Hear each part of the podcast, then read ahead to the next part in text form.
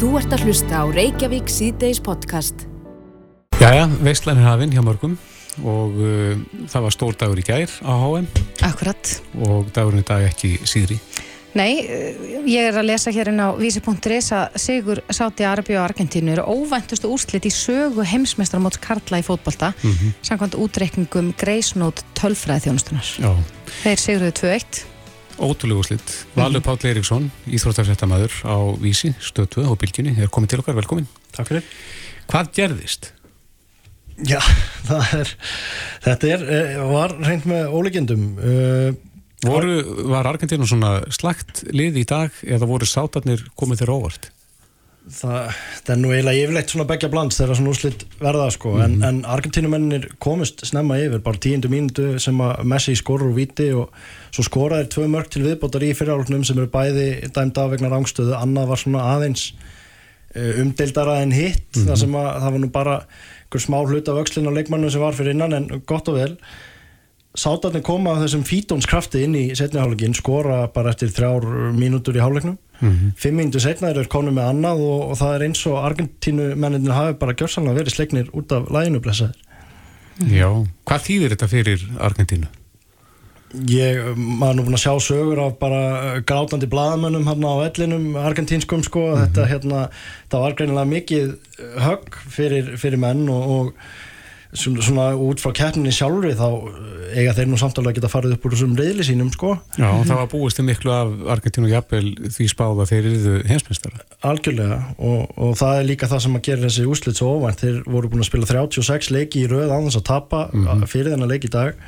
Og Sáti Arabia aldrei gert neinar glóriur á heimsmeistramóti að viti uh, og, og bara búist við að þeir myndu vera nokkuð bara stegalöysir á botni þessa riðil sko Þannig að það er kannski gamla góða vanmatið sem hefur verið þarna fyrir. það getur verið en, en já, Argentínumenni voru ekkit rosalega samfrandi en, en eins og ég segi, þó náðu þessum þremur mörgum, þó bara eitt af þeim hafi verið löglegt í fyrirálfnum en virðast bara enga veginn hafa geta tekist á við mótlætið sem að blasti við þarna eftir hliðið sko. En þetta þýðir þó ekki að, að Argentína geta ekki orðið heimsmeistari eins og já, einhverju hafa spáð, eða hvað? Nei, nei, maður hefur nú alveg séð gott að það var ekki Ítalía sem að var heimsmeistari 2006, hvort að þeir töpuð ekki fyrsta leik á, á því móti sko. uh, þeir eiga eftir Mexiko og Póland sem er líkir eilinum og eru að keppa núna uh, millir 4 og 6 og, og hérna þeir, uh, svo lengi sem að þeir vinna Póland og Mexiko þá fara þeir á öllum líkindum áfram í, í sættalúslutin Já, en það var annar leikur uh, í dag, uh, Danmörk-Túnis. Mm. Hvernig fór sáleikur? Það var markalaust svona, líklega vonbreiði fyrir frændur okkar Dani þeir mikils ætlast af þeim þeir hafa verið flottir í leikjum hérna í álfunni uh, gerðu vel á móti frökkum í þjóðadeildinni sem er náttúrulega ríkjandi heimsmeistrar eru aftur með frökkum í reyðlega á mótinu núna. Túnis er svona lið sem að þeir gerur ráð fyrir að vinna. Um, en uh, þar, þar er sama um Argentínumenna, það eru tvei leikir eftir. Frakland og Ástralja spila í þeim reyðli í, í kvöld en Danmark þarf þá að vinna Ástralju og svona líklega ná í góð úslit gegn frökkunum líka. Maður veit ekki alveg hvers maður getur ætlast til af þessu túniska liði en þeir, þeir, þetta var svo sem ekkert skemmtilegasti leikur sem maður hefur séð, markalust var, var bara svona nokkuð sangjörn úslit þó að Dan, Danirnir hefur kannski verið ívið sterkari sko. Það vakti aðtikli í leikjónum í gær, hversu miklu var bætt við vennilega leiktíma. Mm. Var það samið på tegnum í dag? Já, þetta virðist vera einhver, einhver ný lína við, maður séð auknar tafir í fótboltanum almennt og uh, þarna er rauninni bara verið að fjölga mínútum það sem boltin er í leik. Og þá eru sem sagt í rauninni dómarnir bara harðari á því að stoppa tíman þegar boltin er ekki í leik, þegar menn eru leikjandi þegar menn er að taka langar tími að taka innkast eða aukaspinnu eða hotspinnu eða þar fram til göttunum og í rauninni þetta til þess gert að, að fjölga mínútum af uh, actual fótbolta sko. Uh, það er nú, já, kannski spurning hvað, hvað hérna öllum réttöfunum sjónastöðunum út í heimi finnst um þetta því að þetta til að dragast alveg svakalega á langin og getur satt dagskrá úr, úr skorðum en, en þetta er allavega einhver lausn við því hérna hvað menn eiga til að tefja í blessum boltanum þannig að ég held að þetta sé skref í rétta átt en það er kannski einhver önnur leið sem er betri til þess til dæmis var þetta að stoppa bara klukkuna þegar boltin er ekki leik eða eitthvað svoleiðis en menn er allavega eitthvað að En nú hefur auðvitað við tölum nú við þeim daginn líka varandi, já, mannreitndabrót í Katar og þú veist, íþróttarsiðfræðingur líka, er, er, já, en þá mikil, mikil talað um þetta, mann hefur nú verið að sjá fréttir af því að, að, að fólk hafi ekki fengið að fara ná leikvangin í, í já, til dæmis ból með mynd af regnbó eða eitthvað slíku. Já, það hefur borðið aldrei á því að, að, að það var til dæmis bandarísku bladamæri gær sem að var Uh, hann þurfti að vera í, í svona einlegu varðhaldi í einhvern hálftíma þá til hann náða að sannfæra einhvern um að hann mætti fara inn þar sem hann var í regnbólituðum ból, hann var bara að fara í bladamannastúkuna sinna sínu störfum sko. mm -hmm. uh, vakti aðtegli að, að liðin Breitland, Holland Danmörk og fleiri, þetta voru áttalið alls sem voru búin að segja að vera með regnbóarbönd sem fyrirlega böndin til þess að hérna vekja aðtegli á málumnum uh, samkynneira í, í, í ríkinu í Katar sko mm -hmm. FIFA hótaði því að gefa leikmunum guldspjald fyrir það fyrirlegunum, fyrir að vera með bandi mm -hmm. og þá uh, hættu þau öll sömul bara við En má það, nú var ég að lesa á Twitter, ég náttúrulega hef oft viðkjönda hér, ég veit lítið um fókbaltaðin, en er það bara, getur dómarinn gefið guldspjald fyrir það reynilega að vera með já, eitt fyrirlega band í stað annars Það er nefnilega það sem er svo áhugavert ég er ekkert vissum að það sé eitthvað mjög skýrt í reglunum um það Nei. þess vegna hefði verið svo gaman að sjá þessi ríki bara standa á sínu og reyn, láta reyna á það sko. mm -hmm.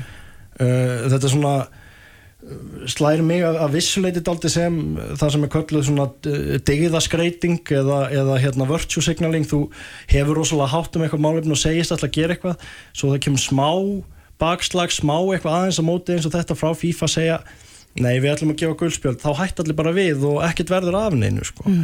að menn, menn hefðum átt bara standa fastir á sínu og, og sjá hvað myndi gerast ég meina eitt guldspjald til eða frá er nú engin heimsendir finnst mér sko Áttu vonað því að menn láti slag standa? Breitarni voru ekki með bandi í gerð Daniti voru ekki með bandi í dag það fyrir hérna samböndin gáði það út að þau bara komst að samkominlægi um það að, að gera þetta ekki sko. Mm. Nei, en svo er þetta, sko það er alltaf talað um að íþróttur og pólitík já, eigi ekki leið saman, en, en svo vakti líka aðtöklega að, að leikmenn Íran sungu ekki með þegar þjóðsvöngurum var, var sungin og, og það var, eh, ég tali verið svona tákgrænt, er hann stuðningsyfirlýsing við mótmælinn þar þannig að þetta er, verðist vera rampolítisk keppni Ég, og algjörlega og, og það, þetta er það og, og, og uh, mér, mér hef, já, það hérna Íránandi náttúrulega og þeir eins og ég segi, gerðu það sem að hinnir áðurnöndu þjóðurna gerðu ekki sko. þeir stóðu á mhm. sínu í, í rauninni miklu hatramar í baróttu og geta átt yfir höfðu sér miklu verri refsingar heldur en nokkur tíman breytar eða danir fyrir að bera eitthvað band sko, mm. hérna, með þess að hvort að útsendingin var ekki hérna bara tekinu sambandi með hann að þetta gerðist þegar Írani vildu ekki sína þetta í sínu heimalandi að menn væru að mótmála með þessum hætti uh, og uh, þegar að það er svona stórt sviðsljós þá, þá náttúrulega er alltaf færi á að, að gera hluti pólitíska eða ekki pólitíska eftir því hvernig, hvernig maður lítur á það sko. mm -hmm. En framöndan í kefninni, hvað, hvað er næst á dagskrá? Það er náttúrulega frakarnir í, í kvöld eins og ég segi Spánur og þjóðverðar mæta til leiks á morgun. Mm -hmm. þeir, þau eru saman í reyli með Japan og, og Costa Rica búist að þau fari nokkuð svona öruglega úr þeim reyli en náttúrulega eins og úslitin hjá sátunum í dag sína það er allt hægt í þessu sko. Uh, svo eru Kroatar sem að fengu silfur á síðasta móti, þeir spila fyrsta leik morgundagsins held ég í fyrramálið á móti Marokko. Og svo eru belgarnir sem að mæta líka á samt Kanada, Kanada að spila sínu fyrsta móti frá 1950 eða eitthvað alveg mm. Þessu leikir þeim er svolítið driftið við daginn. Já, þetta er bara draumur sofakartablunar það er hægt að liggja yfir svo allan daginn. Það er leikur 10, 1, 4 og 7 þannig að það hérna þetta er uh, mjög og líka bara emitt sko verandi að vinna í, í sportinu þetta er þetta er alveg þægilegt að hafa þetta í gangi allan daginn sko. Mm. Já, kannski margtröð maka þess sem horfur á alla leikina. Já, akkurat. Valur Páll Eiríksson, íþróttarsættamæður og íþróttarsiðfræðingur gaman að fá því spjall, kæra takkir Takk það fyrir mig. Þú ert að hlusta á Reykjavík C-Days podcast. Jæja, Reykjavík C-Days heldur áfram. Við ætlum núna að snú okkur að eh, já, löggjæslemálum. Um, Lörglann hefur handtekið 27 manns í tengslu við rannsókn á nýfstungu árás á bankastræti Klöpp aðfornótt förstags í síðustu viku og í dag hafa borist alls konar fréttir um, um já, hótanir um yfirvofandi hemtar árás. Mhm. Þetta eru svona alls konar skjáskot sem er að ganga manna á milli Já, og maður skinja nú, já, kannski bara hræðslu og það er verið að hvetja fólk til þess reynilega að, að sko sniðganga miðbæinn næstu helgi. mhm. Þeir eru komin til okkar til að ræða þessi mál, Margir Sveinsson, aðstóður yfir lauruglu þjótt og Ástýr Þór Ástýrsson, Ástýrsson, aðstóður lauruglustjóri, velkomnir. Takk fyrir. Ef við byrjum á því, hvar, hvar stendur rannsókn málsins? Heyrðu, við höfum verið að, eins og hvað mjög komið, einblíkt á að, að, að hérna, ná utanum árusuna sjálfa sem að, að hérna, átti stað hann í, í bankastræti klubb. Og gengur það vel? Og það gengur bara vel, við erum að ná nokkuð vel utanum þetta. Ég ætla að leiðrætta þetta hérna í ynganginu, við erum komið með 28 í inn til okkar og, og okkur vantar þarna eina þrjá einstaklinga sem við erum að leita að. Og í dag voru gerðar kröfur um tvo í viðbót, þannig að við erum, það sæta núna 14 aðilar gæslu út af þessu rannsókn. En rannsóknin á því, á þessari árás miða bara mjög vel og, og nú svo næsta skref er bara að skoða hvert tilumni var, hver ástæðan var fyrir þessar árás. Er þið með uh, nýfa mennina sjálfa í haldið? Te- Teljið ykkur vera með þá sem að stungu? Já, við teljum okkur vera með helstu þáttakendur og leikendur í þessu. Já. Og er vita hverjir þeir voru af þessum hópi sem er í haldi? Já, við teljum okkur alveg vera með það, já. En þeir eru ekki, eins og segir, að, að já, það er ekki ennþá búið að púsla saman kannski öllum púslunum um, um hvers vegna árásin átti sér staði að, að hvaða deilur voru þarna á milli þessara hópa. Nei, það verður þá bara næsta skref hjá okkur og það verður eins og, og, og komum komið inn á og, og lögðum mikla áherslu á að, að koma öllum í hús og ég held að það er bara gengið nokkuð vel. Við erum að leita að, að þessum þremur einstaklingum, einstaklingum. Teljum okkur vita til þess að eitt sé farin úr landi en það er bara eitthvað sem við erum að skoða hvað við gerum í framhaldan því hvort að við gerum kröfum að, að hann komi hingað eða verði fáum aðstóða erlendis frá til þess að nálgast hann. Vitið hvað hann er, Erlendis? Já, við höfum upplýsingar um það en ég kýsa að vera ekkert að fara út í það nákvæmlega hvað hann er. Nei. En þessa nýjustu fréttir af þessum skilabóðum sem að gengi hafa mannamilli á samfélagsmiðlum, hvað, hvað augum lítið þessi skilabóð og teljið þau vera rétt? Sko í þessum skilabóðum og öll svona skilabóð þá verðum við bara að setjast niður og meta þau og meta þessi bóð sem að, að og taka síðan afstuð til þeirra hvað verður gert í framhaldinu. En, en það er eitthvað sem að, að er kæmið hóði hlut með viðbrað hjá hann áskeri að, að, að grípa þar inn í ef, að, ef að ákveðið er það að fara í ykkurar rástafanir eða ykkur aðgerir En teljið þið uh, ykkur vita sko hvaðan þau koma, hver er upprunni þessar skilabóða vegna þess að þetta verður þetta farið í gríðarlega mikla dreifingu í dag? Já, við svona teljum okkur vera alveg ná utanum það og, og hérna við erum bara að, að nálgast uppruna þeirra. Hins vegar eh, sko er spurning hvert sannleiksgildið er því að það er virðast vera það nokkuð bóð, skilabóð vera á ferðinni og, og sum svo ykt að, að það er allega hægt að taka marka á þeim. Mm En ástýr verður aukin viðbúnaður vegna þessara hótana um næstu helgi? Ja, við erum síðan að, að þessi árásur átti sér stað þá er búið að vera gríðarlega viðbúnaðar hjá lauruglunni. Bæði í tengslum við, hérna, bæði leitir að þeim sem að hefur vantað upp á í, hérna, þeim verður þessi staðastóðar ansóðdeildina við að, að hafa upp á og finna þá sem þá þeir þurfa Mm og það er náttúrulega búið að vera líka náttúrulega mm, mikið um auðvitað alls konar fangaflutninga og í, í, í, út af kröfum um gæsluvarðald og alls konar svo leiðis og, og líka bara öryggisviðbrað í borginni. Því verður haldið áfram alveg næstum misserinn og meðan að við erum að um, svona sjá að, að já, það sé bara komin svo stað að við getum aflitt þessum viðbúnaði. Er þetta breyttur veruleiki? Þetta er, uh, veruleikin er búin að vera breytar svona, hvað maður segja, þetta byrjaði kannski síðustu tvö árin fyrir COVID og, og er svona er að, og kannski að því að COVID var kannski svolítið róleira, þá er þetta kannski að berja svolítið fastar á okkur, svona þetta er svolítið meira kannski sjokk heldun fyrir örgulega almenning heldur en fyrir okkur. Meiri, meiri harka? Það er klálega mér harka, já. Mm -hmm. Það er talað um að, að þetta tengis nú eitthvað undir heiminum og maður hefur nú heyrt í áranar ást talað um undir heimana en, en, en þegar maður les svona skilabóð þar sem er talað um að hver sem í vegi þeirra verður eh, gætu orðið þeirra árás eru undir heimana færast upp á yfirborðið. Þetta er sko, veit ekki alveg eins og margir verður að segja á þann með þetta sannleikskildi. Þegar þessi fyrstu skilabóð kom í daga þá voru þau þetta og, er, og eru þetta mjög alvarlegt og það er mjög alvarlegt að ef að, ef að menn er að, að Eh, virkilega halda þessu fram að þetta sé eitthvað sem á að raungerast. Síðan hafa komið eh, svona fleiri skilabóði í dag alveg uppið það að þetta, þarna er einhverju hundruður manna með allskinn stól og tæki að byrtast í miðbænum helgina. Um, ég veit ekki hvort að ég er ekki vissum að það sé nú endilega um, einhver hafið svo mikið um, hvað maður segja, undir sér að geta skipilagt árás af þeirri starra og viðbörð af þeirri starra gráðu mm -hmm. en, en klálega er þetta með, eru skilabóðum það alvarlega að það verður mjög uh, aukin miðbúnaðar í miðborginum helgina. Hvað, hvað er þetta stórir hópari? Er þið með á kort lagða? Uh, sem að voru þá beint í þessar árás eða... Já, eða... sem að, sem að það nú er talað um hópa sem er að, að eiga í einhverjum erjum. Já.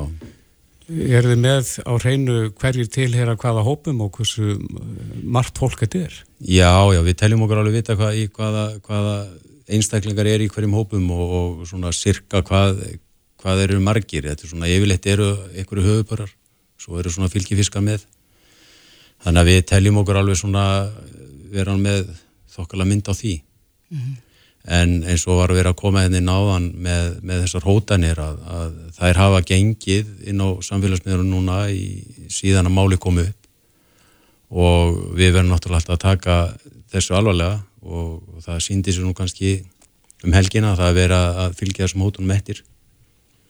Og, og hérna eins og með hérna sem að vera að vera að kasta hérna bensinsprengju á fjölbísús sem að náttúrulega er mjög hættulegt og, og getur verið verið hérna bruni bara sem að verður úr því og við höfum séð það svo sem. Og svo þessar hótanir sem að eru skemdaverk og, og áreiti. Sem að beinast á að fjölskyldu meðlumum þeirra sem hann eiga hluti í málið eða? Já, það er, það er bara þannig. En þetta, það eitt og sér þekkist náttúrulega og hefur þekst lengi í undirheimunum, það er notað það er svona ræðslóður áróður en núna sínast okkur bara að vera þannig að, að menn eru tilbúinir að fylgja hótunum eftir. Mm -hmm. En, en eh, töluðu nú aðeins um svona breyttan veruleika áðan, er það breyttur veruleika að, að, að sko þessum hótunum já, fylgja eitthvað og, og erum við að sjá, þið tellið ykkur vita hvernig hópurinn er, er samansettur, hvar getur við grepið inn í til þess að já, komið vekk frá svona að gerast aftur, hvernig eigum við að snú okkur í þessu, við töluðu nú við, við afbrótafræðingum daginn sem það sagði að já, aukna refsingar væri nú kannski ekki rétt að leiðin? Já, það eru, það eru alltaf búið að vera í umræðinni núna allskins leiðir til þess að, að mæta þessu og, og, allar eru þær mjög tímafrekar og, og kostar mikinn mannafla ekki bara, og það er ekki að bara tala um lauröglu því að það er náttúrulega eh, eins og það eru nefnt að, að skólakerfið er ekki að skila drengjónum okkar eins vel út, út í lífið eins og það gerði áður og eru jafnvel ekki læsir. Við erum að hérna, tala um að alls konar svona forvarnaverkefni og utanumhald sem hefur verið, hérna var kannski hér áður eru ekki jafnvel keirð og þar myndir lauruglan auðvitað vilja koma betur að. Svo eru náttúrulega eins og þú sagðir, afbrótafræðingur sagði að, að, að fangilsisist væri ekki endilega svarið svo getur við alveg öruglega fundið einhvern sem segir að fangilsisvist sé akkurat svarið. Og hérna ég ætla ekki að dæmi um það, það eru aðrir fræðimenn sem verða að gera það en ég held að, að, að, að þetta er kannski árið umfaldið tökka að þetta lauruglan gerir þetta ekki einn, þetta er alltaf samfélagi sem að þarf að kannski að taka utanum kannski þennan hóp ungra kallmanna og, og kannski að stýra þeim betur út í lífið ef það er hægt Telur þið að sérðu fyrir að lauruglan geti farið meira inn í skólakerfið og, og átt samræði við börnin þar? Já, við erum búin að vera, við höfum mikið náhuga á því og hérna, en uh, það var nú þannig að einhvern veginn að í, uh, eftir, eftir raun þegar öll ríkisastemi var skorið niður og allir fóru að horfa hvað er hægt að gera lögbundið og allir svona bara sko, allir svona bara einna beini hvað er hægt að gera lögbundið að þá kannski dróðu lauruglan úr forvarnarstarfi bara til þess að geta haldið út almenni löggjæslu. Mm -hmm. Við erum að vera þetta í alls konar uh, samræðum við ríkið og, og um það mögulega að fá fjármagn inn í þetta aftur og, og ráþurar uh, bæðið barnamála og, og dónsmála hafa verið mjög og alþengismenn sem hafa heimsóttu hafa verið mjög hérna, uh, jákvæður fyrir því og sjá alveg þörfina og við höfum verið með svona, hvað ég segja, með, með svona samfélagslöruglu verkefni hérna út frá uh, tveimur og jafnvel þremur uh, stöðum sem, að þessum fjórun stöðum sem erum með hérna á höfuborgarsvæðinu, bara svona sem tilrun og það hefur gefist afskaplega vel. Þannig að við viljum auðvitað keira með fullum þunga inn í þetta og, og hérna þurfum kannski aðeins meira, aðeins smá hjálp kannski í fjármagnin til þess að geta gert þetta með, með sæmt. Mm -hmm. En eitt af því sem að lítur að skipta máli í þessu samengi er akkurat að, að, já, að lögreglan sé sínilega að, að almenningur, börn, úlingar, ungmenni viti hvað þið gerið og, og, og hvernig ykkar störf fara fram og þannig að þetta er þá vissulega leður í því. Já, við erum alltaf með, sko, það nú var nú svo skemmtilegt að það var í lauruglufræðinni að þá var, voru tvær hérna unga lauruglukonur sem voru útskriðar sem voru með loka verkefni sem hétti skemmtilega nafni held ég ekki vera Dix mm -hmm. sem að snýrist eila svo um það hérna að sko þetta voru eða tveir hópar sem á þessu unga fólki sem þau töluði við það var þessast fólki sem hafði hitt laurugluna á Íslandi og hafði svona ákveðnar vendingar og, og svona vissi hvað þeir var að gera og hvernig við værum og svo var það fólki sem hafði ekki hitt laurugluna en hefur allan sinn fróðleik af, af myndböndum frá TikTok eða YouTube eða svoleiðis og sem eru vendarlega og eru flest eru frá bandarækjónum og það var alveg bara, var bara alveg svart og kvíkt hvert við horfið var til lauruglunar og, og þar hugmyndur um það hvað lauruglunar verið að gera og fyrir hvaðan staði fyrir. Þannig að klálega er mikið verk að vinna þar fyrir fyrir laurugluna að komast betur inn í þennan hópa aftur og, og mynda tengsl. Einmitt. Rétt aðeins í lokin var ekki hvað er málið statt núna þessi rannsókn? Hvað er, er þið að sjá fyrir endan á því eða er, er nóg eftir? Já, já, það er alveg hellingur eftir. Við, það er núna er, er fyrir vinna í að vinna úr já, til að mynda símagögnum og, og, og öllum þessum upptökum sem við náðum í og, og svo þessum frambyrjum náttúrulega. Er þið með myndir af árásinu sjálfur? Já, við erum með það. Myndbands upptök? Já, við erum með það og við erum með alveg aðdraðandan að þessu öllu saman og svo er það náttúrulega eins og ég kom inn á þann það sem á eftir að gera er að, að skoða öll gögn eins og símagögn og fleira og það tekur bara óra tíma. Mm -hmm. Kanski alveg í blálókin, uh, tellið þið að, að almenningur ætti að óttast einhvers konar hefndar ára sér í miðbænum um helgina? Ég held að hérna, ég get alveg sagt að lauruglan verður með mikil miðbúna í miðbænum um helgina. Þannig að við ætlum að gera allt okkar sem við getum bara til þess að þar fari allt fyrir sannlega fram og þetta verður bara mjög áberandi til aukjæsla. Aukin mannskapur á allt? Aukin mannskapur, aukin þjálfuðar mannskapur og þannig að við ætlum að, við ætlum að hérna vera eh, lögreglan verður klári að eiga við það sem þarf að eiga við mm -hmm. Ástýr Þór Ástíðsson aðstofar lögreglustjóri hjá lögreglan höfabrókarsæðinu og Margir Sveinsson aðstofar yfir lögregluþótt, hér að það ekki verið komina Takk fyrir Takk. Þetta er Reykjavík C-Days podcast Það eru margar hefðir sem við höfum tekið upp á okkar arma mm -hmm. eins og til dæmis svartu fyrstudagur og allir þeir dagar Já og svo náttúrulega rekjavakan um daginn, hún Já. er að verða starri bara með hverju árinu Einmitt. Mér fannst alveg magnað að taka þátt í þessu það var bara annarkvært hús í hlýðunum þar sem ég bý var bara skreitt og, mm. og fólk að gefa grikkaða gott Já, en það næsta í rauninni er þakkætjörðaháttíðin mm -hmm. sem er á fymtudagin Hún er á fymtudagin og ég held að, að, að sko, það er alltaf æg fleiri að taka þátt í þessari háttíð allavega að borða já, þakkargjörðar mat mm -hmm. sem er kalkút? og sætar kartöblur svona einhvers konar með, með einhverju púðusikurs uh, skreitingu, ég veit það ekki alveg. Mm -hmm. en til þess að segja okkur meira um uh, þennan mat og þessar hefðir er á línunni hjá okkur Eva Löfveig Kjaran, kom til sæl Sælverði Já Eva, ég sá það á samfélagsmiðlum hjá þér um helgina, þú varst að elda þakkargjörðar máltíð Já, við gerum það fyrir alla fjölskylduna af því ég er bara að grýpa allar hefðir sama hvaðan þær koma ef það snúast um mat og hafa gaman þá grýpi þess mm. og framkvæmi En eh, kanntu söguna bak við kalkúnin? Ekki nógu vel til að fara með það á bylgunni en, en hver er galdurum við þakka að gera máltíðina? Er þetta ekki alltaf eða nánast alltaf kalkun? Jú, ég held að sé, það sé lang vinsam, vinsalast en að sjálfsögður núna er líka hnetusteik og allskynns rétti sem þú getur lagað og, og búið til þitt svona þína þakkargjörða hátíð. En mm -hmm. kalkunin er náttúrulega svona pínustjarnan þennan dag mm -hmm. og svo er það náttúrulega meðlæti eins og þú nefndir á hann þórtís sætkartaflumúsin með korflex, svona mulning, rósakála beikon, sósan og svo er líka skemmtilegt að plata fjölskyldumæli með ekki plata til þess að koma með meðlæti þannig að smakka, þannig að maður nær svona að smakka sem mest. Mm. Já, vera með svona hálfgert pálinu bóð Já, daldi þannig. Að þú sér kannski um kalkunin því það er náttúrulega pínu svona ekki stress en þú vilt hafa hann í lagi.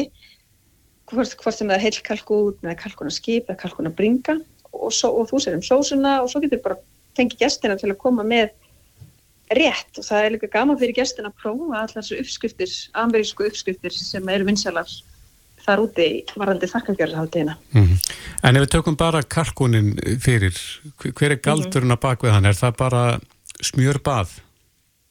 Sko, ég skal vera alveg hinskil, ég hef aldrei eldað heilan kalkun og það er bara, ég hef engar lungun til þess. Mér finnst hann alveg ágættur en ég er miklu hrifnar af því að elda bringur mm -hmm. og ég prófaði fyrsta skipti núna um helgina að elda kalkunaskip og nú verður ég að koma þess að svona sérlaga smjörspröyta frá Hagkaup. Já, já, það veit að koma þess að koma það. Nei, það er ótrúlega gott og sérlaga og er mjög vinsalt núna eh, í hérna, þessum ástíma og það er svo einfalt, ég elska allt sem er einfalt, ég þarf ekki að vera að stressa með að baða úr smjöri, þetta er bara inn í opn í tvo tíma og þar með fæ ég bara gegja kjött, mhm. safaríkt og ef það er smjörspröyta þá veitir það alveg að það er, það er gott. En þarf maður að vera með eitthvað svona eh, kjöti hita mæli þetta vil maður ekki að kalkunin verða á þurr? Nei, það er náttúrulega eh, bara góð regla eiga kjötitamæli og það er að kaupa bara ágætan kjötitamæli á þúsund krónur í flest öllum verslunum. Mm -hmm. Svo getur náttúrulega farið alveg upp í herri upphæðir að þú vilt fá aðeins svona meiri tækni mæla en ég mæla alveg með því að eiga góðan mæli Akkurat. Og í hvað á hittin að fara? 70. Það myndi ekki vera hærin 70 og leifa, og svo líka aðra reglan varandi allt kjöt, að leifa því að kvíla.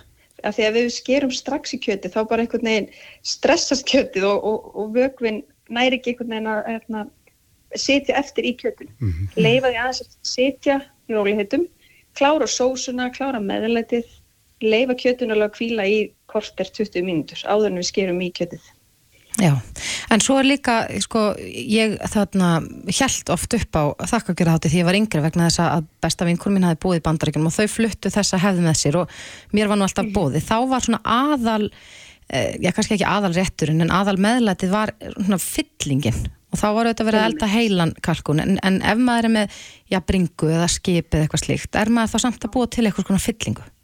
Algjörlega og það er hægt að hafa hann einn á sér. Og yfirleitt finnst mér hann alltaf betri ef hann er einn á sér því mér stundum svona fara út um allt ef, ef hann er ferin í kalkunin að það er bara náttúrulega smekksatriði. En alla jafna er hún eða minnst að meira vinsalt í dag að gera hann bara sér hvort þú ert með heilan kalkun eða ekki.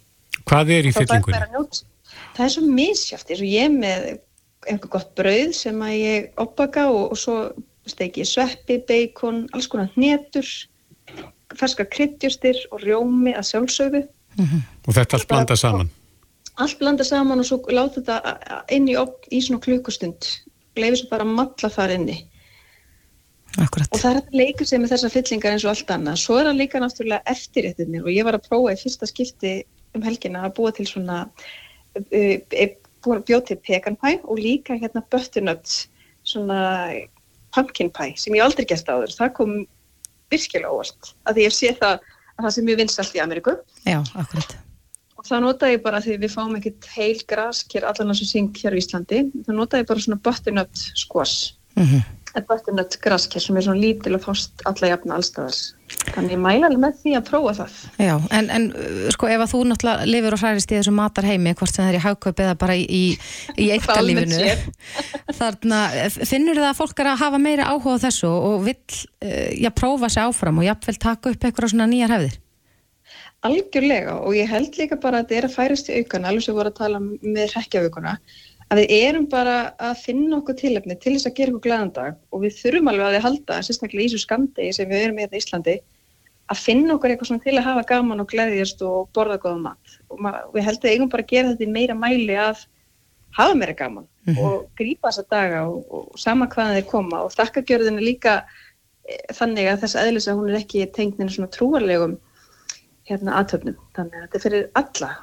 Nei, svo eru líka svona, hel, okkar helstu sérfræðingar í svona andlegum málefnum að benda á það að, að það eitt að yfka þakklæti geti verið eitthvað já, bara mjög helsusamlegt og, og bætt andlega helsumans, þannig að það er kannski fengt að hafa einn dag á árið þar sem maður yfkar það uh, ekstra mikið Algjörlega, ég held að við gleymum þau líka svolítið í öllum látunum og sérstaklega fyrir jólinn þegar allir eru á miljón að bara að, að búa sér til svona minningar með fólkinu sína, hafa það gott og borða goða mat, mm -hmm. fyrst og fremst. Finnir þið það hjá Hagkaup að það er meiri sala á kalkun í kringum þennan dag? Já, algjörlega og sérstaklega að því að við erum sérlega að laga þessa kalkunubringur og hafa tilbúnar og ferskars á þessum árstíma. Að því við finnum fyrir því að viðskiptafinnir okkar er að sækja í meira að halda upp á þakkagjörháttíðina kannski ekki halda ekki upp en þeir vilja prófa sig áfram og hérna, prófa eldaðan mat. Og þetta er svo einfalt. Já, en ef að þú Já, þú fylgdir nú upp hérna sko, tryggja baka því kalkunin og við tölum um sætakartablur og korflex og alls konar. E, getur maður nálgast þínar uppskriftir einhver staðar ef, ef að hlustendur eru áhuga samir? Það er bara rosalega góða punktu Þortís og hérna, ég þarf bara að koma þeim áleiðis, ég, ég er bara að meta mér um samfélagsmiðlum en ég þarf kannski bara að koma þeim uh, á netið fyrir hans síðas. Já, það væri mjög snilt. Já, ég kannski bara læti vita þegar það verður. Endilega. Eva Löfi Kjaran, kæra þakki fyrir þetta. Takk fyrir. Þetta er Reykjavík C-Days podcast. Reykjavík síðdeis heldur áfram, klukkan 25 minúti gengin í 6 og við hefum svolítið verið að ræða rétt ávöksli kjærfið í þættinum, bæði í gæru og í dag. Já, við fengum nú tvo lauruglu þjóna hérna til okkar áðan og uh, töluðum meðal annars um það að, að já, þessar hótanir sem hafa verið í gangi, manna á milla á samfélagsmiðlum varandi einhvers konar hemtar aðgerir um helgina mm. en uh, hann Áskir Þór Áskirsson sagði við okkur að það verði mjög aukin viðbúnaður í miðbænum um helgina. Já. En það er hinn endinn, eh, við hefum ekki aðeins í þingmanni viðreysnar sem að nefndi það að öllu þessu tali um stríð gegn stíflari glæpastar sem er verður að fylgja fjármag til fangilsa landsins. Mm -hmm. 60 einstaklingar sæta nú gæsluvaraldi en fjöldin er að jafna þeim 20 svona þess að setja þetta í samengi og uh, já, þólir kerfið meira. Pál Vinkel, fangilsismála stjóri, er komið til okkar, velkomin. Já, takk. Já, þessi spurning, þólir kerfið meira? Nei, það þúlir ekki meira. Við stóðum fram fyrir því núna eh, fyrir bara nokkru viku síðan að, að framlög til okkar ekstra á næsta ári er þau enn aftur minguð, við hafa mingað okkur einasta ári frá efnaðsrunni og það er mjög heilbrygt og eðlilegt að, að ríkistofnun sé gert að fara vel með almannafíða. Eh, það er bara okkar skilda og það höfum við gert í mörg ár en, en svo kemur að þólmörkunum og við erum komin þangað og ég sá fram á það og var búin að skipulegja það að draga verulega úr okkar ekstra næsta ári. Fækka um svona á bílunum 40 til 50 uh, fanga á næsta ári til þess að geta verið inn að það er ekstra heimilda sem að, sem að, sem að okkur uh, voru skafar. Svo vil svo til að, að dómsmálar á þeirra uh, hefur bröðist mjög vel við þessari, þessari ábendingu okkar um að þetta getur hinnlega verið hættulegt og hérna er að berjast fyrir því að, að, að koma inn í reksturinn á þess ári 150 miljónum og svo 250 miljónum á næst ári. E, farið svo þá getur við kert kerfið á fullum aðkostum en farið svo ekki þá einfallega þurfum við að loka og draga úr okkar reksturi. Við getum alltaf verið inn á fjárheimildi en þá mingar alltaf, alltaf framleiðslu getan ef svo má segja. Mm -hmm. Full afkvöst eins og staðan er í dag e, það er einhver, einhver ákveðin fjöldi fanga hversu, hversu mikið auka pláss og mikið auka fjármagn þyrstu til þess að geta bara sendt já, öllum sko, þeim sem jafnvel býða eða, eða... Já, sko við getum ekki unnið á þeim vanda 1, 2 og 3, þetta er uppsafnaður vandi síðustu 20 ára eh, en það, það hefur nú gripið til ímissar ástafana til þess að breðast við því meðalans með að auka samfélagsstjónustu eh, með því að náða hóp fólks og svo framvegis, þannig að ímislegt hefur verið gert.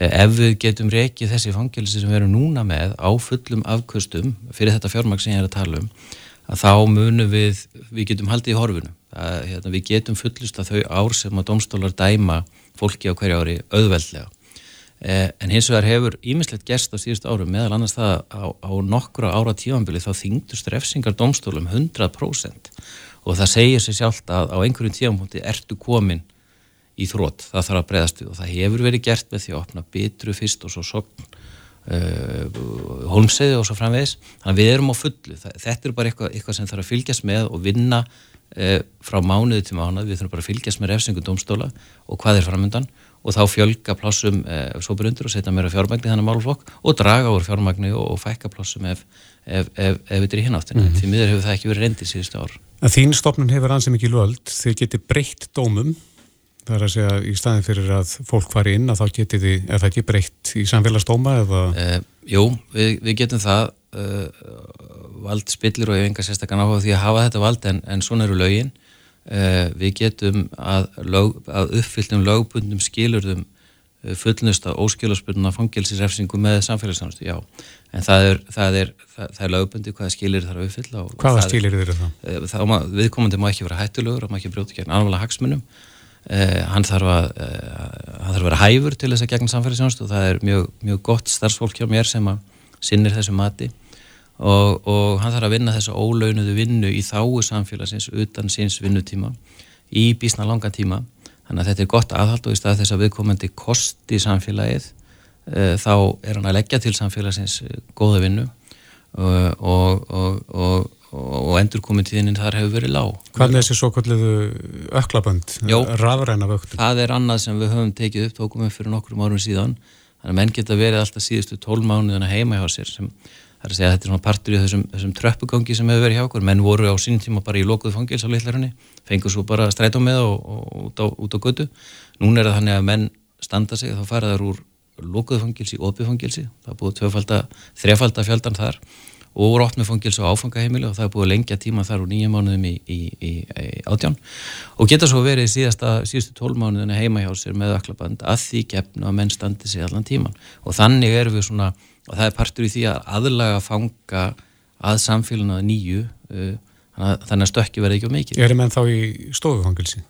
Nei, nei, þeir, þá, þeir þurfa að vera heima hjá sér á okkurinn tíma á nætuna og síðan er fylst með þeim eh, það er app núna sem að, sem að vernd sem sinna þessu eftirleiti á vestuleiti um, fylgist með viðkomandi, hefur samband við þá sér staðsetning og svo framvegis þetta þetta er mjög gott kerfi og hefur, hefur, hefur gengið vel Er þetta að færast í aukana, bæði þetta og, og hvað var það að, að, að sko, menn sinni samfélagsstjónustu? E, já, lagaskýlirinn hafa verið ringuð á síðust árum að við gengið mjög vel og í dag eru fleiri einstaklingar í samfélagsstjónustu okkur en tíma heldur en í fangelsi. Mm -hmm. Getur þú lemt okkur dæmi um samfélagsstjónustu sem að syndir af fengum? Já, já. Hvaða verk eru það? Já, það, það er Rauðakrossinum, um, Íþrótafélagum, kirkjum, og lengi vel í kattolt, þetta er bara á ymsum stöðum. Og eru hérna að vinna vinnu sem annars er ekki unnin. Uh, margar stofnarnir reyða sér beinleins á þetta, þetta, þessa vinnukrafta. Fataflokkurinn og, og, og, margir aðeins stað, staðir. Mm -hmm. en, en nú er uh, já, að fréttum að dæma þá er auðvitað mikið að gera. Lauruglan hefur mjög mörg hortna að líta. Dómsmannráþur hefur líst yfir stríði. Eh, gegn skipulari brotastarðsemi og, og svo eru refsingar að þingjast er þetta ekki allt á þá vegu að, að álægið ekst á fangilslandsins? Jú, jú, álægið er mjög mikið og, og við, við höfum engan sérstaklega náhuga því að við búast í fangilsónum en hins vegar verðum að gæta öryggi okkar starfsfólks og það er staðreind að það hafa komið upp alvarlega líkamsára sér í fangilsónum á síðustu missurum Á fangaverði þá? Á fangaverði, já og hérna ég þarf að, ég þarf að geta tryggt það að starfsfólk mitt sé ekki hættu og að þau geti sint sínu verkefnum án þess að vera óttaslegin. Og ef ég hef ekki nægt fjármækt til þess að manna öll þessi fangilsi almenlega þá betra að loka einhverju þeirra eða einhverju meiningum og manna rest almenlega An annað get ég ekki búið upp á. Er þetta komið eitthvað hættu mörgum? Já, ég tel svo vera. Tel, Að þitt fólk sé beinlinis í hættu? Já, sko, starf fangavarða hefur bara gjör breyst á tiltölu að stuttum tíma við höfum verið með þessa mjúku nálgun og viljum hafa hana áfram en við verðum líka að tryggja þetta öryggið þeirra. Og mér finnst mjög mikilvægt að það verið tekið með því þegar að kjærasamlinga meðalans var í ganga að, að, að það sé tekið til þess að það er, það er meira álag að vera fangaður í dag heldur fyrir nokkru mánu síðan. Þetta er bara annað, annað umhverfi. Mm -hmm.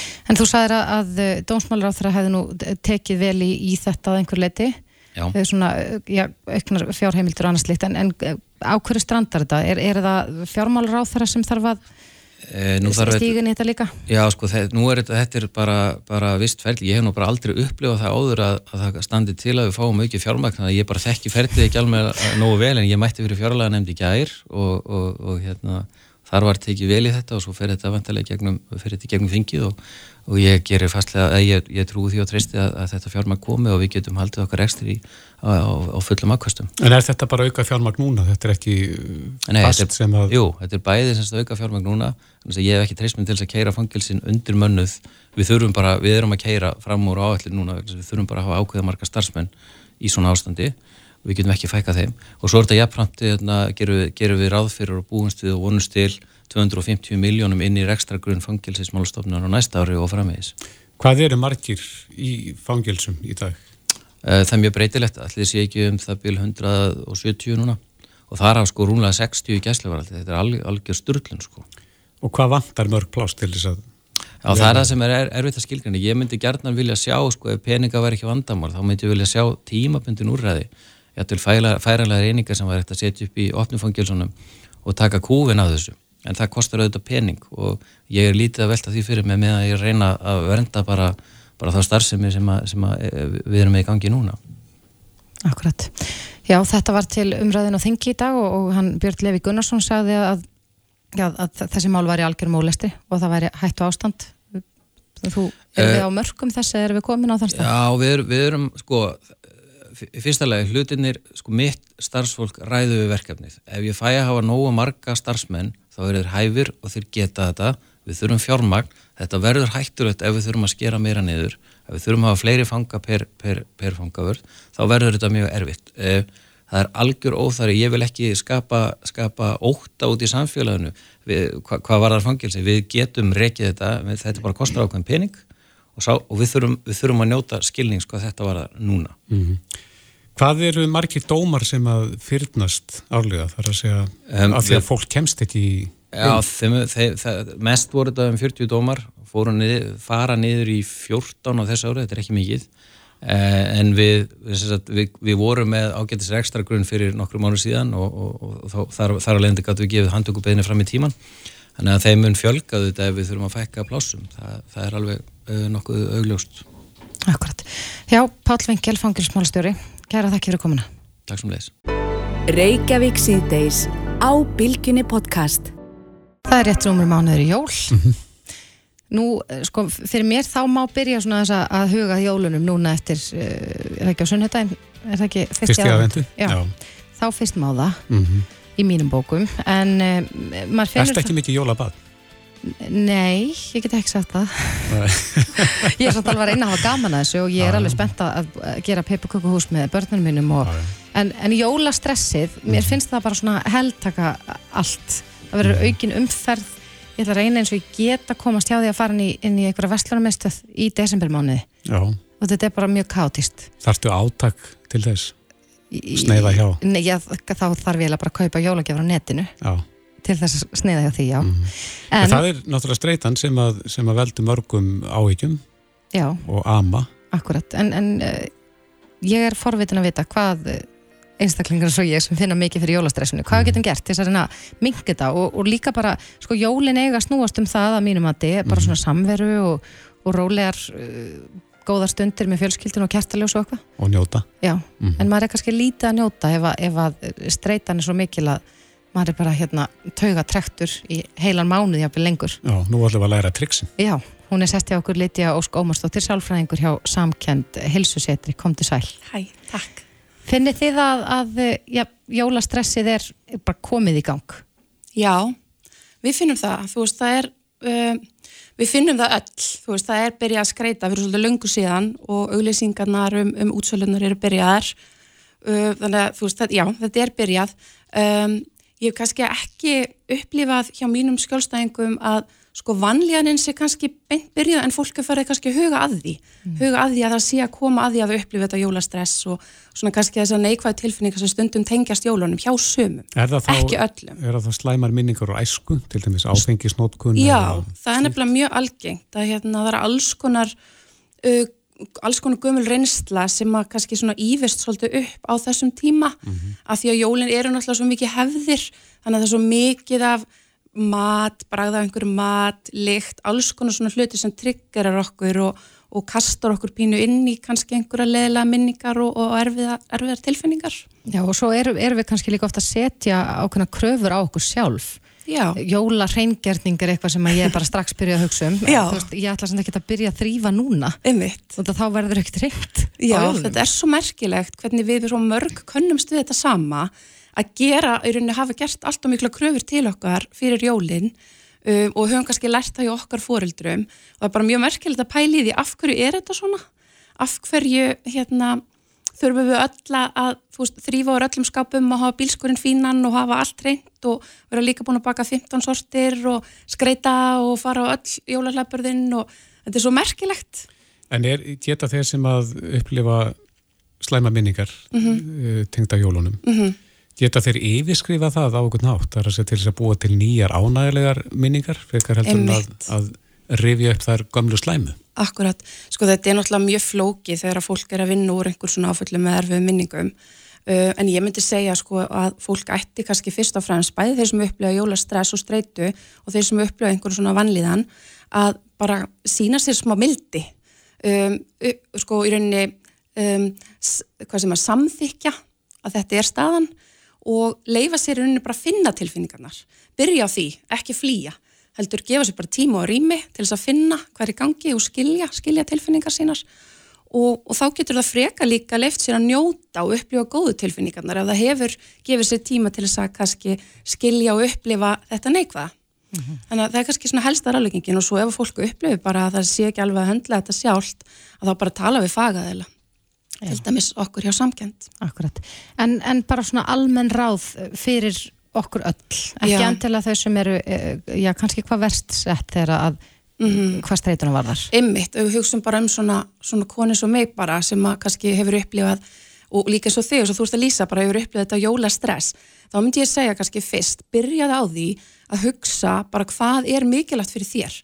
Ekki láta sko smásölumarka en stjórna þinnu upplifun og jólum og aðvendu heldur hugsaði sjálf bara hvernig vil ég hafa mína aðvendu hvernig vil ég hafa mín jól eins og fyrir mig og svolítið svipað svo þú ert að lýsa ég vil bara hérna upplifa góðar stundir með fjölskyldinu ég vil hafa rólegt, ég vil svolítið míkja ég vil uh, njóta þess bara hérna, einmitt, hafa rólegt kveikja kertum, vera í kósi mm -hmm.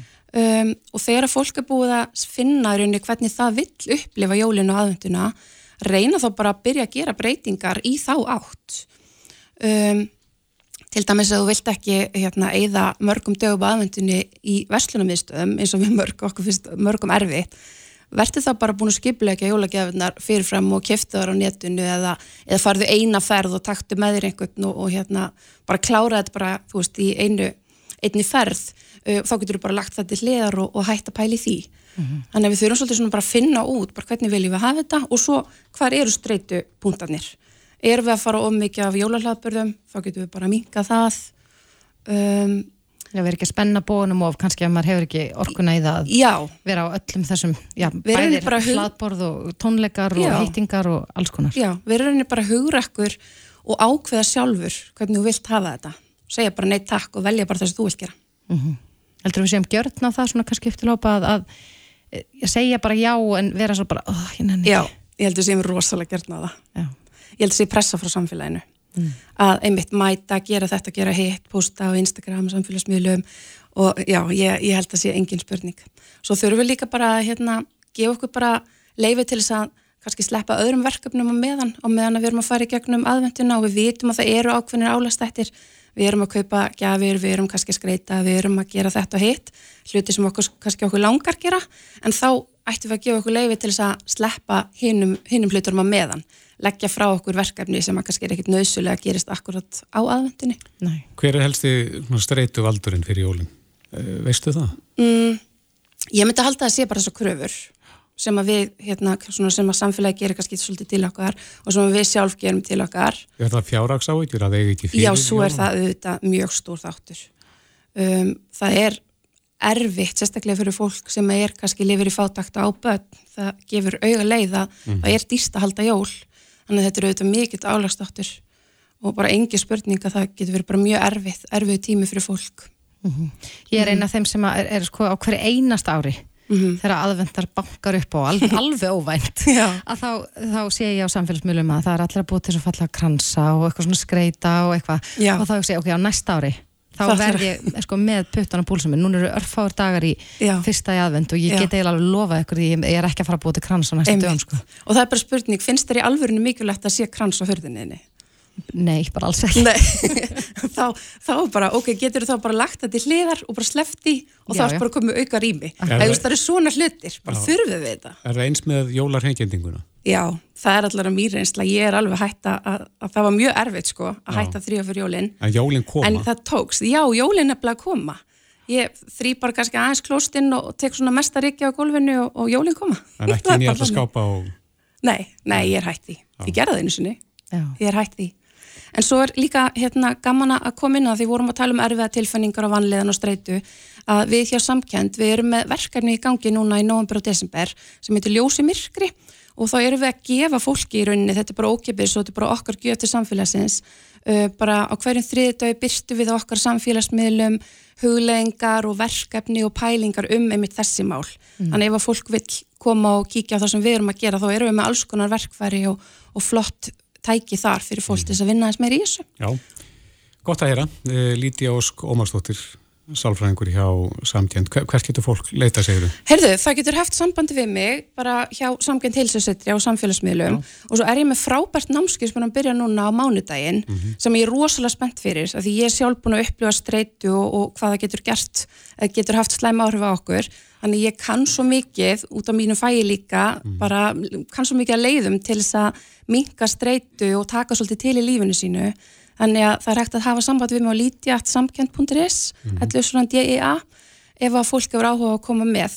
Mér finnst þetta ótrúlega spennandi, ég hlakkar rosa mikið til að byrja að dreifa minni reynslu, kenna fólki meira. Mjög gott lítja. Kæra þakki fyrir komina. Takk. Hlustaðu hvena sem er á Reykjavík C-Days podcast. Já, við vorum að ræða jólastressið hérna áðan. Já. Margi sem er að sko, ganga sig upp að njám nánast. Já, og kannski margi sem er að ganga sig upp að njám inn í vestlarmjönstöðum. Já. Það gerist líka. Einmitt. Margi fótalúnir Já. eftir haldið annar. Ég, ég held að, að maður hefur nú oft heist talað um það að við erum sko skó tískan mm -hmm. er ekki endilega hönnuð með sko stóðkerfið í huga. Nei. Hælaskór til dæmis támjóður skór, svona þröngva tánum saman og, og mm. allt getur þetta haft áhrif á, á ekki bara sko tærnar, heldur bara jafnvægi og stóðkerfið og fleira ég ja. þekki konu sem að gengur, hefur, hefur í gegnum tíðina, gengið svo mikið í hælaskóm mm -hmm. að hún getur ekki farið í flatbotna Já. þannig að inniskortnir eru líka uh, hælaskór mm -hmm. vegna þess að það er eins og hásin eins og eins og stutt út, hún hefur gengið svo mikið í hælum. Er þetta að fá háa hæla á inni sko? Já, það er svona með þykkra, þykkari botn já, undir hælunum. Já, já. Vegna þess að henni finnst bara reynilega sársökafullt að stíga á... Að vera slett. Á að vera slettu. Já. Þetta er ekki gott. Nei, ég trúi því. Nei, en við, ég rakst á þetta um daginn mm. þegar ég var að skoða eh, jólagjafa handbók hjá Eirberg mm -hmm. sem er nú oftast mjög skemmtileg, gaman að fletti gegnum hana, en þá eru svona ímis tæki til þess akkurat að ég stuðlaði góður í fóta helsu skór sem eru sérstaklega breyðir við tærnar mm -hmm. tásu glennur Já. Hvað ætla það að sé? Tásu glennur Já. Já, hann er komin til þess að svara þessum spurningum og getur kannski sagt okkur eitthvað en um tásu glennur Kristín Jónsson, frangotastjóri Eirberg, velkomin. Takk, takk fyrir það.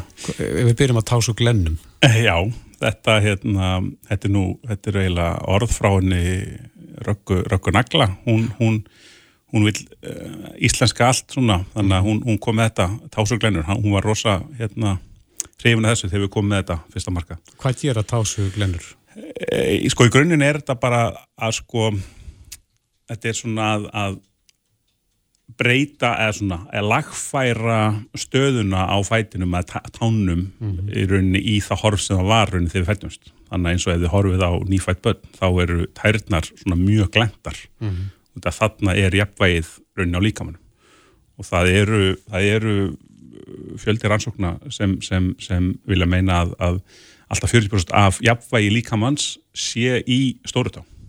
Þannig að þeir eru í niðurstíðinu þeir eru að lenda að, að stóru tán tekur svo mikið um, mikið jafnvægi er, rauninni, er að balansa allan líkamann.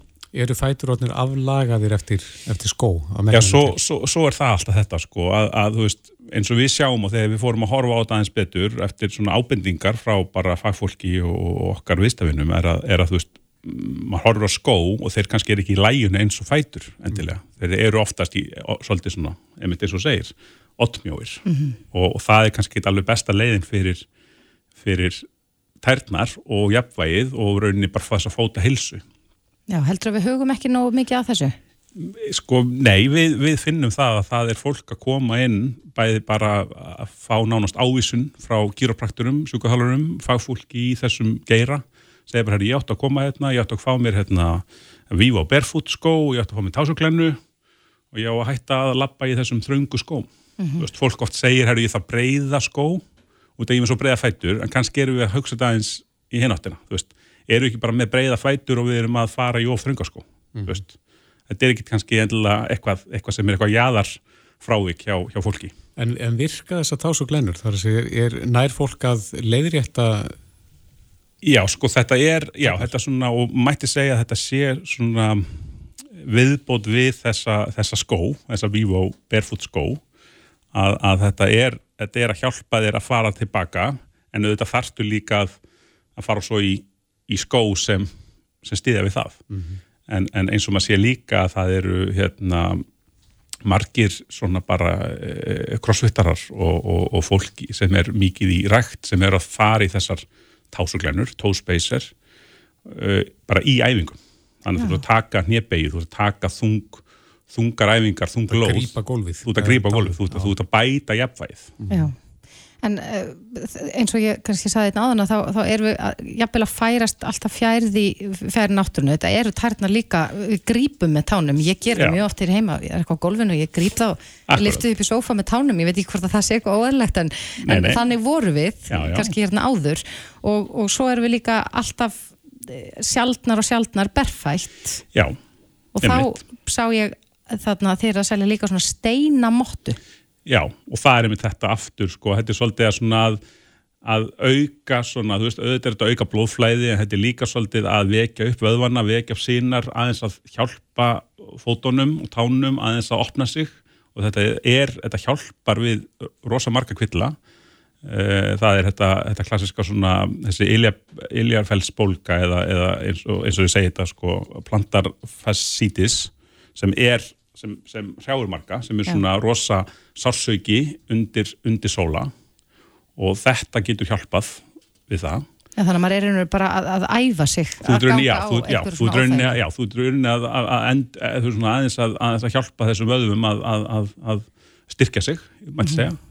Og það líka eins og með þessa barefoot skó er að þarna ertu rauninni komin aftur eins og segir nær jörðinni, þú, ert með lámarkstempun, þú ert með lámarksóla þannig að þú erti með svolítið að grípa jörðina, þú ert svolítið að, svona, að meðtaka það sem úst, hvert þú stýgur, þú ert ekki bara að, að hamra niður þetta er svona hjálpar þér að, að vera meðveitaður, mætti segja mm -hmm.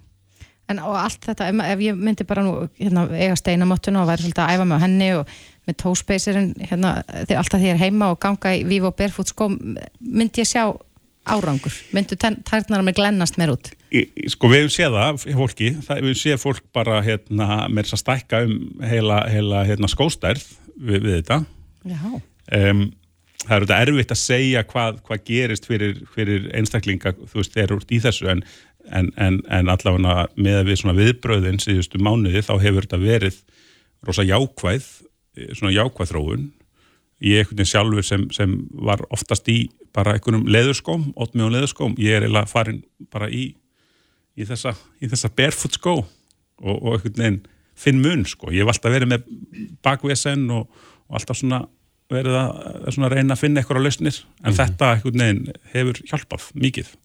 Talandu fótahelsuna og talandi um jólinn, það var nú Já. ein jólinn voru fótanuttækin jólagjöf ásins Já, já. var ekki Clarins eða eitthvað svoleiðis? kl kl kl hvað var það? Klarir, já, Klarins E- eitthvað í þáttina sem, að výbruðu en Einmitt. fótanuttæki í dag er orðin miklu þróaðari Já, þetta er kannski, var kannski rángnefni þarna, uh, þarna fyrir þessum, þessum tíu ára, þegar þið kölluðu þetta sko fótunutæki og þetta var runni bara fótabað, Já. fótabað með výbring. Mm. Það sem við seljum núna og höfum selt í mörg ár er, er þetta fótunutæki með, með þrýstapuntanutti, með innröðum hita, með þrýstinutti og, og aftur, þetta er þetta líka ákveðin svona þægindi fyrir en almenna, en hérna, en svo sjáum við bara líka fólk að koma með alls konar vandamál í fætti til þess að hjálpa sér. Já, akkurat. Er þetta alltaf í- Klari jól fyrir ekki Klari jól Klari jól, Já, þetta er það. mitt Akkurat Þetta er alltaf svona vassbað sem að fyrir óni. Nei, þú veist, það er, það er, sest, það er, við erum með nokkar típur, sko, það er annars vegar, vegar svona fótanutæki, þessi klassiska gömlu með hita og, og vatni Mm. og svo erum við með, með svona shiatsu fótanut sem eru bara með, sem er ekki vatni, sem er sérst á með þristinutt og innröðum hita. Já. Þannig þetta er svona mismunandi útvæslur. Já, þetta er áhugavert, gaman Já. að huga fótahilsunni, maður uh, hugsar mjög oft um eitthvað allt annað heldur en, heldur en tærnar og, og fætuna. Akkurat. En, já, Kristinn Jónsson, framkvæmdastjóri Eirberg, kæra fyrir. þakkir að komina. Takk. Reykjavík síðdeis á bylgjunni. Reykjavík síðdeis heldur áfram og uh, við fengum fréttir í dag uh, þess efnis að það var að fara að breyta fyrirkomulagi þegar það kemur að stigagjöf í Eurovision. Já, uh, mér finnst alltaf pínuskrít að vera að tala um Eurovision sko áður en að koma jól en, en þetta er bara brest á, bara þessi Eurovision vertíð Einmitt. en nú er búið að bóða stórar breytingar á stegakerfi Eurovision. Já. Það er spurning í hverju þær eru fólknar. Já, Felix Bergson, farastjóri íslenska hópsins og situr í stýrinemnd uh, á vegum Eurovision, uh, er á línu, kom til sæl. Komið í sælumlis, gaman að heyri ykkur. Varst þú að ákveða þessa breytingu? Já, ég tók þátt í því að, að ákveða þessa breytingu, þannig að ég var með í þeirri, ég var með í þeirri vinnu, já. Já, skýrða þess út til okkur í hverju felast þessa breytingar? Sko stóra breytingin sem að hefur nú kannski vakið mest aðtegli er svo að við erum búin að í rauninni að taka út dómnefndirnar í undanúslitunum. Þannig að í undanúslitum eru þjóðurnar ekki með dómnefndirnar sínar í gangi heldur bara velja áhörundur. Áhörundur fá bara meira vægi og það eru áhörundur sem velja í símakostningu og, í, uh, og á netinu og hvernig sem er kosið eh, hvaða þjóðir fara áfram í úslitin og það er mikil breyting og þetta kemur rauninni í kjölfara á því að það urðu það varðu uppnám í ár út af uh, það sem að kalla svona já, óreglulegri kostningu dómnenda sem að bendi til í rauninni að það væri verið að svindla eh, nokkrar þjóðir gengu uh, ansi uh, rösklega fram í því og í kjölfarið var greinilegt að það varð að breyta einhver í sambandi við dómnendirnar og þetta varð niðurstaðan. Já, þannig að þeir eru raun að gera það fyrir að slíkt svindl geti átt sér stað aftur eða hvað? Í rauninni því að það er sko mikil barátt um það að komast í úrslitin. Það er alltaf stóra máli eins og það hefur kannski heyrt mjög tala um í öll þessi ár. Að það er alltaf stóra máli að komast í úrslitin. Þá er hálfur sig að það, er svona, það, það stefna allir á það. Að komast í úrslita þáttin það er svona stóra máli. En Það hverjir, er og Fyrir það getur verið jafnvel einhverju peningar inn í því og svo Einmitt. og, veist, það, og þá er það svo leið sko. Já. en hverjir stóð á baki þessu svindli? E, það voru sex þjóðir sem hafi verið nefndar e, í kringu þessa óreglulegu kostningu e, og e, þetta voru Svartþjóðaland, Azerbaijan, þetta var Rúmenía San Marino, þetta var Póland og e, já, hvaða þjóð var það? Já, Georgia. Þannig að þetta voru þær þjóðir sem að svona, þurftu að svara fyrir störf dómnendar eftir að keppni lauk. Er það þá uh, semst fulltrú að sjónvastöðana sem að stóðu að þessu svindli? Já, í rauninni þá er búnar til, sko, það er búnar til dómnendi, við öll, öll gerum dómnend í okkar landi og hérna, já, og það sjónastöðuna sem standa að því Aha. og hérna, og, eh, og e, þetta var bara mjög leiðilegt og svona, já, bara ömulegt mál í alla staði og e, en endaði semst með þessu að það var ákveðið þá bara að taka dómnefnar alveg út. Þetta verða ekki það mikla breytingar það er eiginlega að finna við það. Að það er kannski, svona fyrir litið tilbaka þá er þetta ein til tvær þjóður sem hefði þá ekki komist í úslitin eða dómnefnar eru teknir út eða bara atkvæði áhorandar látin ráða. Og, þarna, og aðrir hefðu komist inn þannig að breytingin er ekkit gríðarlega stór en hún tryggir það vonandi að það verði í þessu meira gegnsægi og það sé bara fólki sem fái að ráða þessu. Já, við rákum líka í það Felix að nú verður allir heimsbyðinni leift að kjósa sitt upp á alls atriði. Já, það er skemmtilegt. Jú, mjög skemmtilegt. Júruvísson hefur þetta verið svona bundi við Evrópu en, en kannski, já, síðustu ári hefur þetta orðið starra og meira. Já, þetta er bara svo vinsall viðbörður á heimsvísu og það er svo margir sem vilja kjósa og við erum fann að sjá þetta í keppninni sem heitir Eurovision Unga Fólksins eða Junior Eurovision þar fá allir að kjósa sem vilja. Og það er bara verið að kjósa frá einhvernum 40-50 þjóðum. Það er alveg ótrúlegt. Þannig að fyrir utan sem sagt Eurovision í þjóðunar þannig að það er alveg ótrúlegt hvað þetta er þarna, hvað fólk vil vera með. Og þarna í rauninni gerist þetta gegnum vefsíður og til að tryggja það að menn sé nú ekki að reyna að fara inn til að kjósa sína eigin þjóð í gegnum þannan kanal mm -hmm. þá uh, eru kreditkortin notuð og kreditkortin bindaði við þá þjóð sem þú kemur frá og, þarna, og þar með verður þetta ekki það ekki vandamál. Nei, Þetta er gríðarlega stór breyting. Já, þetta er svona þetta er náttúrulega í rauninni bara þetta bætir við uh, sko, já, 58 atkvæðum í allan bunkan sem er náttúrulega miklu, miklu, miklu stærri sko. Þannig að það sem gerist í kjálfara þessu, að því að síðan mun heimsbyðu náttúrulega ekki hafa domnefnd, því að síðan koma domnefndirnar aftur í úslitin e, í úslitaþáttin þá koma domnefndirnar aftur, þá eru aftur 50-50 vægi e, domnefndar og áhórenda nema að það breytist núna með því að þessi hérna, heimsbyðun öll kemur hérna inn er að þá verður aðeins þá verður vægi áhverjanda aðeins meira, ég held að það sé 50,6% á móti 49,4 eitthvað svo lis mm -hmm. þannig að þetta verður já, þetta verður, þetta verður áhugaverða breytingar og verður mjög áhugavert að sjá hvernig þetta á allt er nættur að ganga. Já, en, en eh, já, nú stittist, stittist má segja það í það við fyrir að velja okkur okkar lag. Er já. við eh, auðvitað veit ég að við erum einhver nær um hver það verður en, en erum við ekki bara mjög peppu fyrir því að loksins taka keppnina á næsta ári?